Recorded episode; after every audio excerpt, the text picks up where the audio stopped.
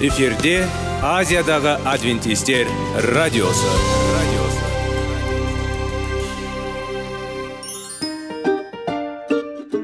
Сәлем достар. Денсаулық өмір бұлағы және біздің бірінші байлығымыз демекші денсаулық сағаты рубрикасына қош келдіңіздер.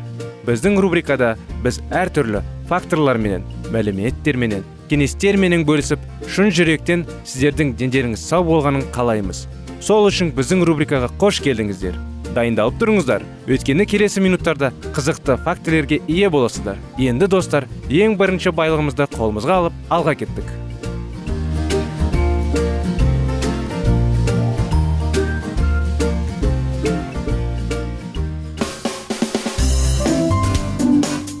Денсаулық туралы хабар. Денсаулықтың ашылуы күн сайын сөз үшін күшті кеңестер соңғы жаңалықтар қызықты факторлар. Біздің рубрикада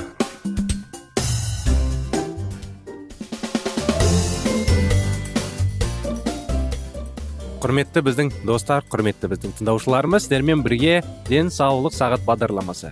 Қытай зерттеулері тақырыбын өтіп жатырмыз. Сол тақырыпты біз ары қарай жалғастыра кетейік. Қытайлық зерттеу барысында жаман холестерин мен батыс аурулары арасындағы байланыс анықталды. Бұл аурулардың батыс стандарттары бойынша қытайда сирек кездесетін және еуропа мен ақшта қабылданған стандарттарға сәйкес қытайлардың қандағы холестерин деңгейі салыстырмалы түрде төмен екенін ұмытпаңыз. Біздің нәтижелеріміз көптеген қытайлықтардың пайдасына төмен холестерин болғанын көрсетті. Ол тіпті төртте төрт моль лден аз болды. Жүрек қан тамырлары аурулары және кейбір қатерлі ісік сияқты. Аурулар басым болды деп күтуге болады. Мүмкін басты өлтірушілер де болады. Қытайдың оңтүстік батыстағындағы сычуань және гуйчжоу провинцияларында ишемиялық жүрек ауруларының өте төмен деңгейі. Одан да таңқаларлық болды. Үш жылдың бақылау кезеңінде гуйчжоу округтерінің бірінде 246 мың ер адам және сычуань округтерінің бірінде 181 мың әйел қайтыс болған жоқ. Жүректің ишемиялық ауруларының 64 жасқа толмаған адам төмен холестериннің әсері туралы барлық мәліметтер жария етілгеннен кейін ванг мен жүрек қан тамырлары ауруларын зерттейтін әйгілі үш ғаламнан және бір уақытта тәжірибелерден билл кастелли билл робертс және колдуэлл эссельстин. Білдім олардың ұзақ мансабында олар ешқашан жүрек қан тамырлары ауруларының қайтыс болған жоқ. Қандағы холестерин деңгейі үште тоғыз. Ден төмен пациенттер арасында кастелли ұзақ уақыт бойы әйгілі фрамингмен жүрек зерттеуін басқарды. Ұлттық денсаулық сақтау институттары өткізетін кливленд клиникасындағы әйгілі хирург эссельстин. Жүрек қан тамырлары ауруларын емдеуде керемет зерттеу жүргізді. Робертс кардиология беделді медициналық журналының редакторы болды. Қандағы холестерин деңгейі және тамақтану қандағы холестерин деңгейі аурудың пайда болуы қауіптің маңызды көрсеткіші болып табылатыны анық. Енді сіз негізгі сұраққа жауап беруіңіз керек. Тамақтану қандағы холестерин деңгейіне қандай әсер етеді? Жануарлар мен адамдарды зерттеу тәжірибелерінде негізделген бірнеше зерттеулер жануарлардың ауыздарын тұтыну холестерин деңгейінің жоғарылауына әкелетінін көрсетті. Бұл қанда? Қаныққан майлар мен тағамды холестерин қандағы холестерин деңгейін жоғартылады. Дегенмен олардың бұл көрсеткішке әсері жануарлар ақауыздарының әсерінен аз. Керісінше өсімдік тектес тағам құрымында. Холестерин жоқ және организм ағзамыз ғой шығарылатын холестерин мөлшерін азайтуға көмектеседі. Мұның бәрі қытайлық зерттеу кезінде алынған нәтижелерге сәйкес келеді. Аурулардың қандағы холестерин деңгейімен байланысты өте таңқаларлық болды. Өйткені бұл көрсеткіш батыстық стандарттар бойынша. Сондай ақ асқазан тамағын тұтыну деңгейін өте төмен болды. Қытайдың ауылдық жерлерінде адамның жануарлар ақауызды қолдану орташа есеппен күніне жетте бір грамм құрайды. Мұны жақсы елестету үшін мен айтайын. Жетідегі жануар ақауызы макдональдстен үш тауық етігіне кездеседі. Біз қытайда байқалған жануарлар қауызын тұтынудың және қандағы холестериннің төмен деңгейінде бұл көрсеткіштердің батыс аурулармен байланысты болмауды деп күткен едік. Алайда біз қателестік тіпті жануарлардың аз мөлшерде тамақтануы бастық ауруларды пайда болу қаупін арттырды. Біз тамақтанудың қандағы холестериннің әртүрлі түрлеріне әсерін зерттедік. Әрбір орын сол белгілі өзара байланысы. Он корреляция байқалды. Жануар ақауызын тұтыну және қандағы жаман холестерин деңгейінің жоғарылауы. Ал өсімдік ақауызын жеке кезде қандағы холестериннің осы түрінің деңгейін төмендетеді. Кез келген дәрігердің кеңесіне барып қандағы холестерин деңгейіне қандай тағамдық компоненттер әсер ететінін сұраңыз. Ол қаныққан майлар мен тағамдық холестерин туралы айтады. Соңғы он жылдықтарда кейде жоғары талшықты соя немесе көбек тұтыну қандағы холестерин деңгейінің төмендеуіне әкеледі деп айта бастады. Бірақ бұл көрсеткіш асқазан ақуызын тұтынуына байланысты екенін білетіндер рас және бұл әрқашан болды. Оксфорд университетінің академиялық демалысы кезінде мен медициналық студенттерге арналған дәрістерге қатыстым. Олар тамақтанумен байланысты жүрек тамыр аурулары себептеріне арналды. Бұл дәрістерді атақты оксфорд медицина профессорларының бірі оқыды.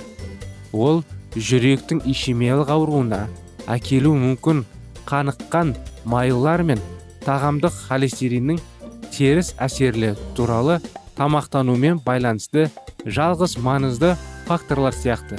Қайта қайта айтты. Ол жануарлардың ақауызын тұтыну қандағы холестерин деңгейімен байланысты деп мойындағысы келмеді.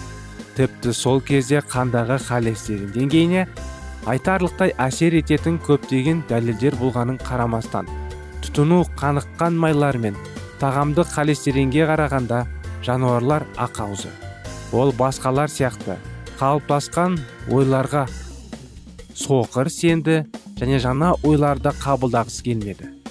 Мен осы нәтижелерді алған кезде жаңа нәрсені қабылдау сән салтанат емес қажеттілік екенін түсіндім. Бізбен болғандарыңызға рахмет достар. Осындай анықтаманы сіздердің назарларыңызға жеткіздік бүгін. Әрине зерттеулердің жалғасын келесі жолы жалғастырамыз. Келесі бағдарламаға дейін сау сәлемет болыңыздар.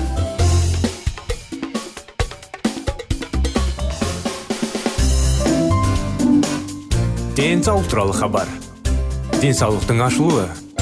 Күн сайын сөз үшін күшті кеңестер соңғы жаңалықтар қызықты факторлар біздің рубрикада.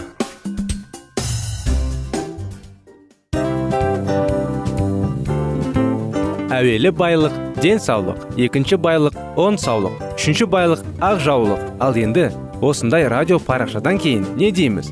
Барлықтарыңызға денсаулықтарыңыз зор болсын деп тілейміз.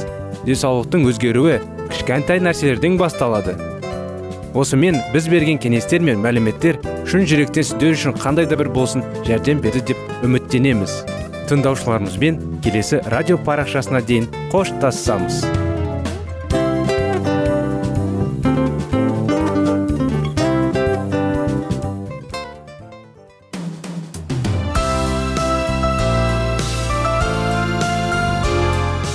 эфирде азиядағы адвентистер радиосы.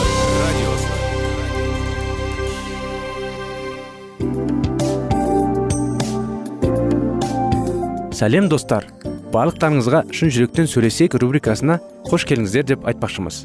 Шын жүректен сөйлесек бағдарламасы әртүрлі қызықты тақырыптарға арналған. Шындығында шын жүректен сөйлесек деген сөздің мағынасы екі достың екі адамның ортасындағы шын жүрекпен сөйлесуі бір біріне сенуі ашықтық пен шындықты білдіреді. Сол үшін біздің бағдарламалар әртүрлі қызықты тақырыптарға арналған. Дайындалыңыз жаңа қызықты мәліметтерге ие болуға. Ондай болса кеттік.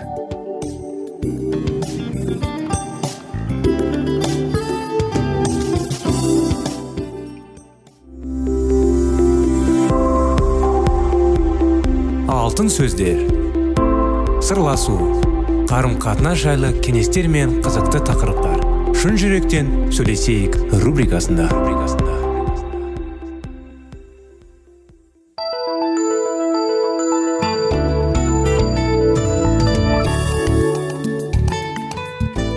Армысыздар сәлеметсіздер ме құрметті радио тыңдаушыларымыз құрметті достар сіздермен бірге шын жүректен сөйлесейік бағдарламасы. Сіздермен бірге сіздер назарларыңызға керемет 25 неке оқиғаларын жалғастырудамыз. Сіз қандай адам болсаңыз көптеген бері үйленгенсіз бе? Мен немесе үйленбегенсіз бе? Соған қарамастан сізге құдайдың жоспарын пайдалануыңызға әлі кеш емес. Оның бойынан біз жаратушы иеміздің ұлылығын көрсетіп тұратын некедегі өмірімізді орнатуға қажет болатын қиял көрінісін құралдар мен күш қуатты табатын боламыз. Таңғарлығы сол сізге қарағанда құдайдың. Өзі оның сізге ең жоғары жұмысының бақытты және толықтай іске асырылуының тілейтінін шындықтың мәні осылай осы негіздейді. Сізді жоспарлап және неке жайындағы өз оқиғаңызды жақсы өмір сүруге үйрететін ақиқат әңгімелер бар ғой. Мұндай біз өмірдің барлық дауылда және алай түрлі күндерін женіп шығуға ықпал еткен берік негіз орнатуға көмектескен өзіміздің ерлі зайыптылық өміріміздің бас кезіндегі тәжірибен бөлісуді жөн көрдік. Біз сіздерді даярымыз сонымен бірге ұзақ және бақытты отбасылық өмірге әкелетін жоспар құруға үйретеміз. Біз нық пікірлерден бастаймыз және тәжірибеден өту тарауымен аяқтаймыз. Бұл тарау тек жас жұбайларға ғана арналған жоқ. Мысалы әлі үйлі болмағандар да сонымен қатар жұбайлық өмірдің майтамдарының да өздерінің өзара қатынастарына жанаша көз тастайтын отырып біздің айтқандарымыздың ішінен өзіне пайдалы жерінен сабақ ала алады. Біз әлде қашан осы ұстанымдардың орындадық. Құдай бастаған кезде істің аяқталуы ойлайды. Адам бастапқыда біз мұны не үшін жасап отырмыз? Және біз қайда талпынып жатырмыз? деп бастапқанды сұрамастан бұрын ежелгі көкейтесті қарым қатынасқа түсу ақмақтыққа жатқызылатын еді. Әрбір өсиеттің тиісті мақсаты болу тиісті. Егер құдайды мысалға алатын болсақ ыбырайыммен өсиет жасам деп шешкен кезде оның нақты мақсаты болды. Жаратқан е ыбырайымды өзінің таңдап алған халқының тұтасы болуға не үшін нақырғаны шақырғаны жөнінде сіз қалай ойлайсыз? Біз көбінесе осы сұраққа қойған кезде өйткені ыбырайымның сенімі күшті еді деген жауапты аламыз. Әрине құдайдың жоспарын орындау үшін сенің өте қажет дегенімен тәңір ие ыбырайымды басқа себепке байланысты таңдап алды. Жаратқан ие пайғамбарды өз ұрпақтарын құдайдың жолымен жүруге үйрететінін білді. Құдай осы баласы жоқ көшпендінің таңдап алғанды пайғамбардың да жарыққа қарап және оның барлық ұрпақтарының көрген болатын. Өйткені ол пайғамбар үрім бұрағын арқылы кінәнің өтелуі жайлы оқиғаның жазғандықтың оның өзінің ұлдары мен үрім бұтағына тәңір жолымен өсиет етуі құдай үшін өте маңызды болды. Ол ыбырайым мен жаңағындай сараның қателік жасайтынын бірақ сонымен қатар балалы бала алмайтынын да білді. Жаратушы бізбен өсиет бекіткен әрдайым уақытта ол ғалами ойлайды. Өйткені ол ертекті күні ертеңгі күні. Не болатынын біледі ғой. Және де біздің сол жерге әкелу үшін. Бүгінгі күні біздің қалымыздың қандай болатынын біледі. Құдайдың ыбырайымен бекіткен өсиетінің кеңейгені соншалық ол біздің өмірімізге де келіп жетті. Сенім арқылы ыбырайым баласы жоқ көшпеден ұрпақтары сансыз көп жұлдыз іспетті болған адамға айналып шыға келді. Өз халқынан алшақталған бір заманда елкезбе болған пайғамбар барлық халықтардың сенімі үшін негіздеуші болар білді. Ыбырайымның үлкен де мықты халқы шығады. Менің батам ол арқылы жер бетіндегі бар халықтарға жетеді дейді. Біздің өміріміз пайғамбардың өмірінен өзгеше болса да бірақ рухани заң өзгермей өз күшінде қала берді. Құдай өзімен келісімді бекітіп осының күшіне жол беріп басқаларға ақ батасын жеткізгісі келетін адамдарды іздейді. Сіздің некеңіз тек өзіңізге және жұбайларыңыз қатысты емес сізге құдаймен тығыз қарым қатынаста тұру арқылы онымен бекітілген келісімнің күші мен әсерінің толықтығын көктің өзі ғашық ашып бере алады. Ол сіздің өміріңіз әрі соның күшті әсері сіздің балаларыңызды және кез келген адамның өмірін өзгерткісі келеді. Сіз адамның ақыл ойын түсіне алмайтын құдайдың жоспарын қабылдап өзіңіз үшін ғана өмір сүруден бас тартуыңыз керек. Жаратушы тек сізге ғана емес келешектегі үрім бұтағыңызға өз ақ батасын бергісі келеді. Құдайдың рухани балалары сен өзің емес құдай некені жаратты. Құдайдың рухы соның тіпті ең кіші кіткентай саласында қамтиды. Сондықтан некелерінің рухын таза ұстап ішкі дүниелеріне оны сақтаңдар. Жаратушы некеден не қалайды? Құдайдың рухани балалары болуы қалайды. Құдай некеден өзінің рухани балаларын күтеді. Енді бұл дүние жүзінде адамдардың көбейе беретінін білдіре ме? Оған иә немесе жоқ деген жауап болады. Пайғамбарлардың жаңағы кітабында жаратқан не адамдардың санының көбейлерінің қалайды деп жазылмаған. Қайта осы кітапта құдай тағала өзінің рухани балаларын өсіп өніп көбейген қалайды деп жазылған. Тәңір рухани балаларының жасына қарамайды. Құдай мадақтап оның жолымен жүруіне қарап сондай адамдарды іздейді. Біздер оның өкілдері. Екендігімізді сенімде ұстаныңыз. Құдайдың мақсаты өзің бізге және өзіміз арқылы осы дүниеге көрсету. Қысқа жаңағындай катехизистің былай жазылғаны адамның өміріндегі негізгі мақсаты құдайдың мадақтау және онымен қарым қатынасты тұрып содан рахат көру. Біз осынша шынымен ұнатамыз. Жаратқан иенің мадақтау деген күнде естіп жүрген сөз емес. Келі жазбада осы сөзді жиі пайдаланғандықтан біз оған рухани бір түсініксіз нәрсе ретінде қараймыз. Рас қой. Осымен құрметті достар бағдарламамыз аяғына келіп жетті. Сіздерді келесі бағдарламамызда қуана күтеміз келесі жолға сау болыңыздар.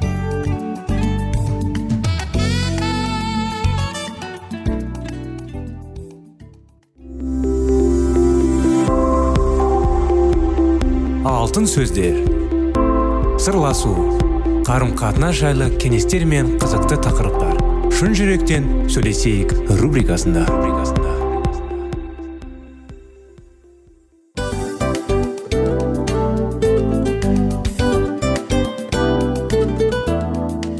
Құрметті достар барлық ең соңғы кеңестер аяқталған соң біздің программамыз соңына келіп қалды.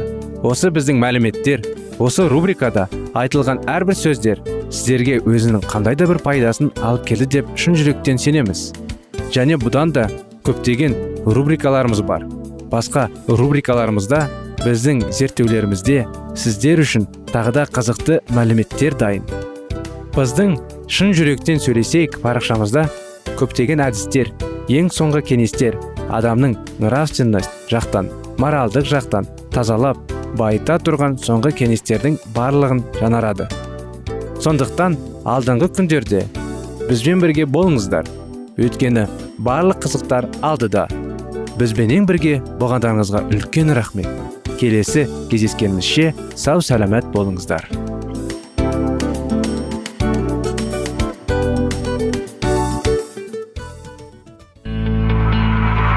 Жан дүниеңді байытқан жүрегіңді жаңғыртқан өмірдің мағынасын ойландырған рухани жаңғыру рубрикасы.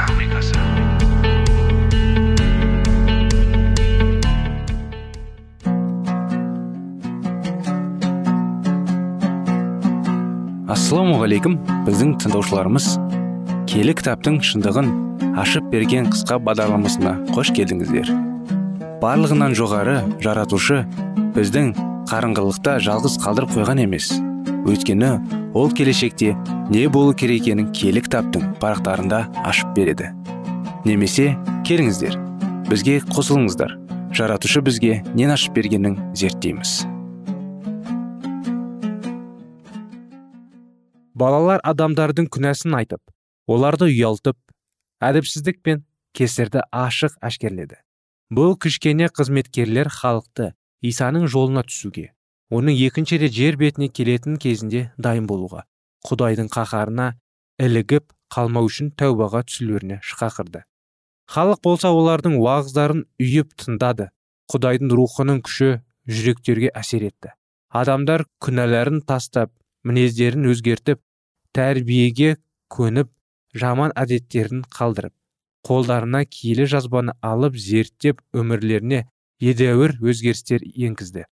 Тіпті мемлекеттік шіркеудің қызметкерлерінің өздері де бұл өзгерістерді көріп таң қалды және мұның құдайдың ісі екенін мойындауларына тура келді. Скандинавия еліне ізгі хабарды тарту құдайдың еркі болатын және жаулары оның хабаршыларының үндерін өшіріп тастаған кезде алла бастаған ісін аяқтау үшін кішкене балаларды сөйлетті. Мәсіх иса иерусалимге жақындаған кезінде адамдар қолдарына пальма бұтақтарын ұстап дәуіттің баласы келе жатыр деп қуанышты ән салып оны қарсы алып жатқан кезінде. Іші күйген паршылар мыналардың үндерін өшірсең бе? деп назарлаған болатын. Сонда иса болып жатқан оқиғаның барлығы аяндарын орындалғанын көрсетеді. Ал егер де халықтың үні өшсе таста сөйлейтін болады деп жауап берді берген еді. Шынында діндарлардың қауіптенген халық үндемей қалған кезде құдай үйінің ауласына кіріп кеткен қорқыныш дегенді білмейтін балалар дәуіттің баласы жасасын деп әндерін жалғастыра берген. Парызшылар қатты қамығып исаға мыналардың не айтып тұрғандарын естімейсің бе? дегенде иса оларға сендер балалар мен емшектегі нәрестелердің аузымен өз есімді мадақтайсың дегенді оқымақ па едіңдер? деп оларға жауап берді. Иса бірінші рет келген кезде балалар арқылы әрекет жасағандай екінші рет келетін туралы хабарды таратқызу үшін айтулы іске балаларды жұмылдырды. Исаның екінші рет жер бетіне келетін жайлы ізгі хабар барлық халықтарға тілдерге руларға және тайпаларға міндетті түрде тараулы керек. Егер үлкендер қорқып сөйлемей қойса олардың орындарын балалар сөйлейтін болады. Вильям миллер мен оның пікірлеріне ізгі хабарды америкаға тарту жүктелген болатын. Дәл осы мемлекет ұлы адвентистік қозғалыстың орталығына айналды. Бірінші періштенің хабарына қатысты. Аян осы жерде кененен орындалды. Осы жерден миллердің және оның еңбектестерінің кітаптары басқа да мемлекеттерге тарады. Миссионерлер өздерінің жүрегін жерлерінің бәрінде исаның екінші рет жер бетіне келетін туралы қуанышты хабарды халыққа таратып отырды. Ізгі хабар шер шарының шет шетіне жеткізілді. Барлық жерлерде құдайдың қорқыңдар оның есімін мадақтаңдар өйткені сот басталды деген ақиқат жаңғырып жатты. Жұрт иса 1844 жылдың көктемінде келеді деген пайғамбарлық куәлікке көп көңіл бөлді. Бұл жайлы бір штаттан екінші штатқа айтылып таралып жатты және көпшілік оны қызушылықпен тыңдады. Халық пайғамбарлық мезгілдерінің дұрыс себептелгені көз жеткізіп өздерінің ежелгі көзқарастарына бас тартып ақиқатты қуанышпен қарсы алды. Дін қызметкерлерінің көпшілігі өз көзқарастарын өзгертіп қызметтерін алып отырған айлықтарын бір сөзбен айтқанда жеп отырған нандарын қалдырып исаның жер бетіне екінші рет келетіні жайлы хабарды көпшілікке жеткізу үшін жолға шықты. Бірақ ондайлардың сандары аса көп те болған жоқ. Көбінесе бұл міндетті өз мойындарына алған қарапайым еңбеккерлер болатын. Фермерлер өріс таласын шеберлер аспастарын коммерстанттар саудасын қызметкерлер кеңесін қалдырып ізгі хабарды уағыздауға кірісті. Соған қарамастан атқарылған қызметтің мөлшерімен салыстырғанда елшілердің саны тым аз болды. Шіркеудің аянышты күй белшесінен күнәға батқан халық өз кінәларын мойындауға шамасы келмей тон мойын болып қалған жандар. Осының барлығы ақиқатты уағыздаушы жаршылардың ауыр жүгіне айналды. Соған қарамастан бұл қызметкерлер ажырал еңбектетіп халықты таубаға келтіріп құтқарылу жолын көрсету үшін жандарын салды. Албастының қарсы тұрғанына қарамастан ай тулы жұмыс қарағанды түрде алға басты. Соның нәтижесінде көптеген адамдар адвентистік ілімді қабыл алды. Келе жатқан қаһардан ашып құтылу үшін күллі мүмкіндікті жасаңдар деп құдайға сенетін болсын сенбейтін болсын күнәқарларды тәубаға шақырған дауыс күллі жерлерде жаңғырып жатты. Исаның алдында келіп оған жол ашқан жохан пайғамбары секілді. Ақиқатты уағыздаушылар ағаштың түбіне балтай шапқандай табанды түрде халықты тәубаға түсуге шақырды. Олардың алаңдаулы тынысшысы қауіпке толы уағыздары шіркеудің мінбелерінің айтылатын уағыздарға мүлдем ұқсамайды. Бұл ақиқат қарлығаштарының уағыздары өте жалынды болады және оларға қарсы тұруға ешкімнің амалы қалмады. Діндалар өзімшіл сенімнен байқамдықтан оянды. Олар өздерінің адасушылықтарын дүниеге деген сүйіспеншілігін имансыздықтарын мемешілдіктерін өзімшілдіктерін көрді және өздерінің қаншалықты аянышты күйде тұрғанын білген олардың көпшілігі бар жүректерінен құдайды іздей бастады. Жүрдегімен ғана шектеліп жүрген бұлар енді назарларын көкке аударды. Киелі рухпен шабыттанып алған айтулы жандар құдайдың қорқыңдар оның есімін мадақтаңдар өйткені сол басталды деген жалынды хабарға өз дауыстарын қосты. Жан жақтан көздері жасқа толған күнәқарлар біз не істеуіміз керек? деген сұрақтар қойып жатты. Басқаларды шығынға ұшыратқан қияныштылар да сол шығынның орнына толтыруға асықты. Енді олар бұрынғы әдеттерімен үзілді кесілді қоштасып жанаша өмір сүре бастады.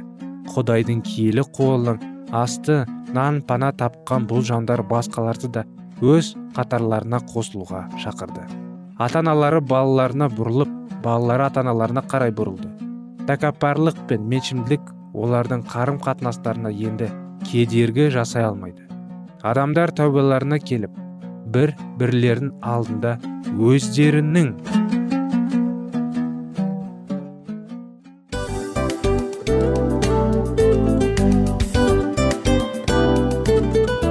осымен достар программамыздың зерттеуіміздің ең қайғылы минутына жеттік. Қайғылы дегенде бағдарламамыз тез арада өтті де кетті. Соған көңіліміз деп тұр. Жарайды қайғыны қояйық. Бүгінгі 24 сағаттың алтындай жарты сағатын бізге бөліп арнағаныңыз үшін рахмет. Егер де өткен сфераларда пайдалы кеңес алған болсаңыз біз өзіміздің мақсатымызға жеткеніміз. Тыңдаушыларымызбен қоштасу уақыты келді. Келесі кездесулерді сағынышпен күтеміз. Жарты сағатты кездесуіміз көз ашып шапқанша дем арасында өтіп кетті. Бірақ бізде жақсы хабар бар. Келесі зерттеулерімізде сөзсіз кездесеміз. Өйткені көптеген сюрприздер қызықты мәліметтерді және керекті нәрселерді көбін дайындадық. Бүгінгі күндеріңіз өзгеше позитивті болсын. Жақындарыңыз аман есен болсын деп тілейміз. Жаратқан ие барлықтарыңызға батасын берсін. Істеген істеріңіз игілікті болсын. Келесі кездескенше сау саламат болыңыздар. Достар біздің бағдарлама бойынша сұрақтарыңыз болса әрине сіздерге керекті анықтама керек болса біздің whatsapp нөмірімізге хабарлассаңыздар болады. Плюс бір үш жүз бір жеті жүз алпыс алпыс жетпіс. Иә достар сіздер қателеспедіңіздер бұл біздің номерлерге ұқсас болмаса да бұл whatsapp номер арнайы. Хабарласыңыздар сұрақтарыңызды қойып тұрыңыздар. Анықтаманы алып тұрыңыздар. Плюс бір үш жүз бір жеті жүз алпыс алпыс жетпіс whatsapp номері